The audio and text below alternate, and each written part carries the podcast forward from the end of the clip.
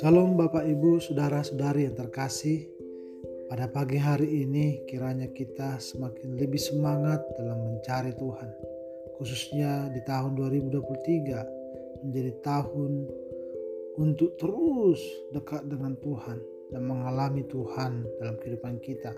Kiranya juga di tahun 2023 ini kita fokus membangun diri kita sendiri di hadapan Tuhan.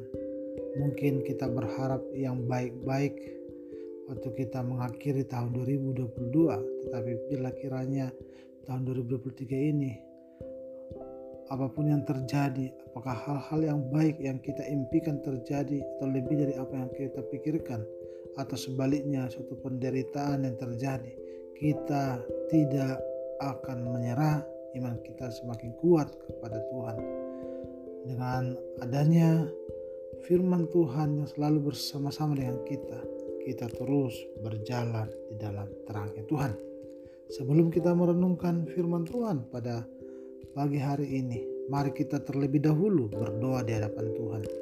Bapa yang baik, Allah yang luar biasa, kami bersyukur ya Tuhan, kami bisa melewati tahun 2022. Semua karena kebaikan Tuhan dalam kehidupan kami. Dan di tahun 2023 ini, biar Tuhan menjadi tahun yang penuh harapan, menjadi tahun di mana kami semakin lebih giat mencari Tuhan. Dan kami terus Tuhan membangun suatu hubungan yang intim dengan Tuhan dan kami akan terus mengalami lawatan dalam kehidupan kami. Pada pagi hari ini juga kami mau merenungkan firman-Mu. Ajari kami, berikan kami hikmat yang luar biasa dalam kehidupan kami supaya kami mengerti apa yang harus kami lakukan sebagai anak-anak-Mu dalam kehidupan kami. Hanya di dalam nama Yesus Kristus kami berdoa. Amin. Bapak Ibu, kita sudah tiba pada kitab Yesaya pasal 9 sampai seterusnya sampai selesai. Tapi perlu kita ketahui ada dua bagian dalam uh, pasal 9 ini. Yang pertama adalah nubuat Yesaya mengenai kelahiran Yesus atau Mesias. Yang kedua adalah murka Tuhan terhadap Efraim. Mari kita baca Bapak Ibu. Saya tidak membaca ayat 7 dan seterusnya, tapi saya membaca ayat 1 sampai ayat 6 di mana berikutnya kelahiran Raja Damai. Bangsa yang berjalan di dalam kegelapan telah melihat terang yang besar, mereka yang diam di negeri kekelaman, atasnya terang telah bersinar. Engkau telah menimbulkan banyak sorak-sorai dan sukacita yang besar. Mereka telah bersukacita di hadapanmu, seperti sukacita di waktu panen, seperti orang bersorak-sorak di waktu membagi-bagi jerah. Sebabku yang menekannya dan gandar yang di atas bahunya serta tongkat si penindas telah kepatahkan seperti pada hari kekalahan Midian. Sebab setiap sepatu tentara yang berderak-derak dan setiap jubah yang berlumuran darah akan menjadi umpan api. Sebab seorang anak telah lahir untuk kita, seorang putra telah diberikan untuk kita Lambang pemerintahan ada di atas bahunya dan namanya disebutkan orang penasihat ajaib, Allah yang perkasa, Bapa yang kekal, Raja damai. Besar kekuasaannya dan damai sejahtera tidak akan berkesudahan di atas tata Daud dan di dalam kerajaannya. Karena ia mendasarkan dan mengokohkannya dengan keadilan dan kebenaran dari sekarang sampai selama-lamanya. Kecemburuan Tuhan semesta alam akan melakukan hal ini. Bapak Ibu saudara terkasih dalam perikop ini di mana uh, ada kesuraman untuk negeri yang terimpit itu. Kalau dahulu Tuhan merendahkan tanah Jebulon dan tanah Naftali, maka di kemudian hari ia akan memuliakan jalan ke laut, daerah seberang sungai Yordan, wilayah bangsa-bangsa lain.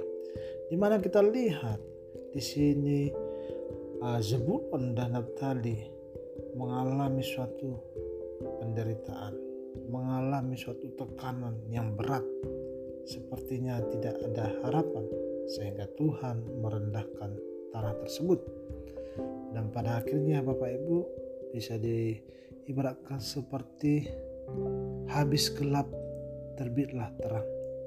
Bapak Ibu terkadang kadang dalam kehidupan ini kita takut menghadapi suatu penderitaan, tekanan atau kita mengalami suatu tekanan batin dalam kehidupan kita, tekanan fisik dalam kehidupan kita. Tetapi kita belajar dari tanah Zebulon dan tanah Naftali di mana mereka melihat bahwa perbuatan Tuhan sungguh ajaib dalam kehidupan mereka. Mereka telah melihat terang yang besar. Mereka diam di negeri negeri kekelaman, atasnya terang telah bersinar.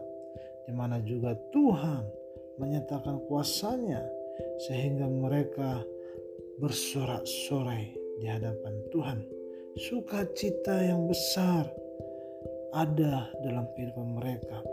Di mana Bapak Ibu saudara-saudara terkasih dalam mengikut Tuhan ini tidak semudah yang kita pikirkan. Tidak segampang yang kita pikirkan. Tetapi perlu kita sadari di waktu kita mengikut Tuhan, waktu kita menghidupi firman Tuhan di dalam kehidupan kita, kita menjadi orang-orang yang bersuka cita, orang yang penuh surat-surat. Kenapa Bapak Ibu? Padahal sebagai orang Kristen bukan bukannya kita uh, tidak mendapatkan lagi suatu penderitaan, tapi kita juga banyak mengalami penderitaan. Tetapi kenapa kita bersorak-sorai? Kenapa kita penuh sukacita? Karena roh Allah ada bersama sama kita. Karena roh Allah yang menyertai kita sehingga sukacita damai itu dinyatakan terus dalam kehidupan kita sehingga kita bisa melalui segala sesuatu atau penderitaan-penderitaan yang kita hadapi. Mari kita lihat Bapak Ibu di mana Nabi Yesaya menubuatkan bukan hanya mereka menerima sukacita damai dalam kehidupan mereka. Mereka juga mengalami pembelaan daripada Tuhan di mana si penindas telah dipatahkan seperti pada hari kekalahan Median. Dan kita melihat juga bahwa Nabi Yesaya menjanjikan anak telah lahir untuk kita. Seorang putra telah diberikan untuk kita. Lambang pemerintahnya ada di atas bahunya. Dan namanya disebutkan orang penasihat ajaib Allah yang perkasa, Bapa yang kekal, Raja damai. Di mana Allah sendiri dijanjikan akan datang, akan lahir. Untuk apa? Untuk menyatakan kasihnya kepada kita. Kalau kita lihat dalam perjanjian baru itu, di mana kita hanya mendengar Allah berfirman, Allah berfirman, Allah mengutus nabi-nabinya, Allah mengutus hakim-hakim bagi mereka, bagi bangsa Israel. Tetapi mari kita lihat Bapak Ibu di mana Yesaya menubuatkan bahwa dia akan lahir ke dunia ini. Dan apakah itu benar? Benar Bapak Ibu bahwa Yesus lahir ke dunia, ke dunia ini sebagai tanda kasihnya menjelma menjadi manusia merendahkan dirinya Supaya apa? Supaya manusia diselamatkan. Supaya manusia melihat bahwa Allah itu benar adanya. Bahwa Yesus itu benar adanya. Di mana dia buktikan kasihnya. Supaya kita benar-benar diselamatkan dalam kehidupan kita. Oleh sebab itu Bapak Ibu Saudara-saudara terkasih.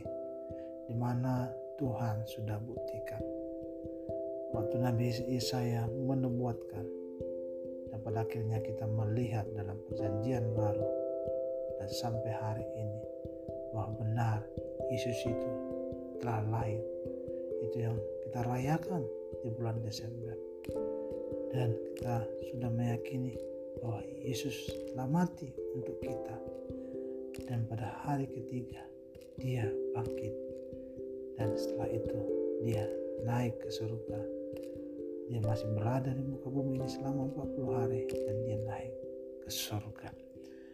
Bapak Ibu yang saudara-saudara yang terkasih, biarlah kiranya kita menjadi orang yang kuat dalam kehidupan kita ini. Biarlah kita hidup benar dalam kehidupan kita. Jangan sampai kita diperbudak oleh si iblis. Kita sudah menyadari bahwa Yesus benar-benar ada, benar-benar lahir ke muka bumi ini seperti yang dinubuatkan Yesaya. Seharusnya kita semakin percaya kepada Tuhan walaupun banyak tantangan-tantangan hidup, penderitaan-penderitaan yang kita alami. Mari kita belajar dari kisah Ayub di mana penderitaan yang sungguh besar yang dihadapi, tetapi dia tetap memilih taat kepada Tuhan, percaya kepada Tuhan, setia kepada Tuhan, dan bahkan Tuhan berkati dia berlimpah-limpah dari sebelumnya. Bapak Ibu kalau kita lihat dalam ayat 7 sampai seterusnya di mana Tuhan murka terhadap Efraim. Tuhan telah melontarkan firman kepada Yakub dan firmannya itu menimpa Israel. Bila seluruh bangsa itu mengetahui, yakni Efraim dan penduduk Samaria yang berkata dengan congkaknya dan tinggi hatinya, tembok batu bata jatuh. Akan kita dirikan dari batu pahat, pohon-pohon ara ditebang, akan kita ganti dengan pohon-pohon aras. Maka Tuhan membangkitkan para panglima rezin melawan mereka dan menggerakkan musuh-musuh mereka, orang Aram dari timur dan orang Palestina dari barat. Mereka menelan Israel dengan mulut yang lebar. Sekalipun semuanya ini terjadi, murkanya belum surut dan tangannya masih terancung. Tapi bangsa itu tidak kembali kepada dia yang menghajarnya dan mereka tidak mencari Tuhan semesta alam. Di mana di sini kita melihat murka Tuhan terhadap Abraham kepada bangsa Israel. Tetapi dikatakan juga di sini bahwa mereka juga tidak kembali kepada Tuhan. Sudah mendapatkan teguran, ancaman. Murka Tuhan dinyatakan atas hidupnya. Tetapi hati mereka benar-benar mengeras tidak membuka hati mereka. Bapak Ibu sesuatu terkasih, dalam kehidupan ini, mari kita membuka hati kita. Jangan mengeraskan hati kita. Jangan sampai murka Allah dinyatakan atas hidup kita.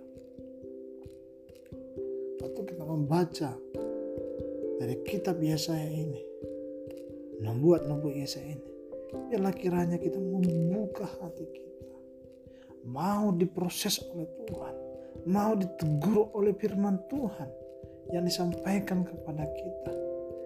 Dan biarlah kiranya kita mengambil langkah maju ke depan, bukan langkah mundur dalam kehidupan kita. Semakin kita menghidupi kebenaran itu. Kalau kita terus hidup dalam masa lalu, kita kembali lagi ke belakang, tidak ada kemajuan dalam kehidupan kita, sangat bahaya sekali. Dan pada akhirnya kita menerima murka daripada Tuhan.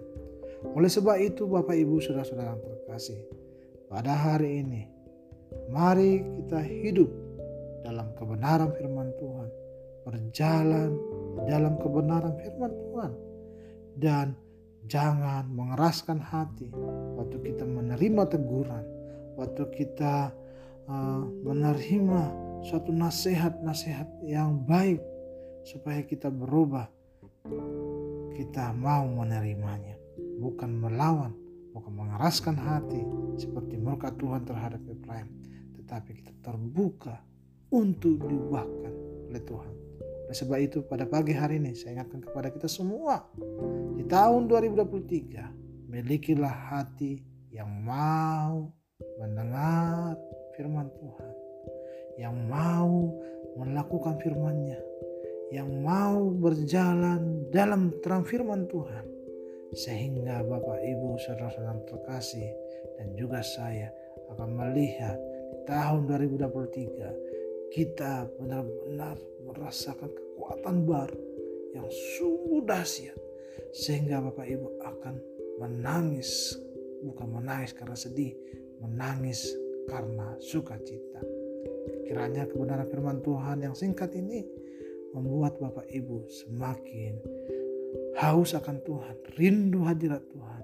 Dan Bapak Ibu mengalami banyak hal-hal yang besar dalam kehidupan Bapak Ibu. Kiranya firman Tuhan ini memberkati kita semua. Tuhan Yesus memberkati kita semua. Shalom.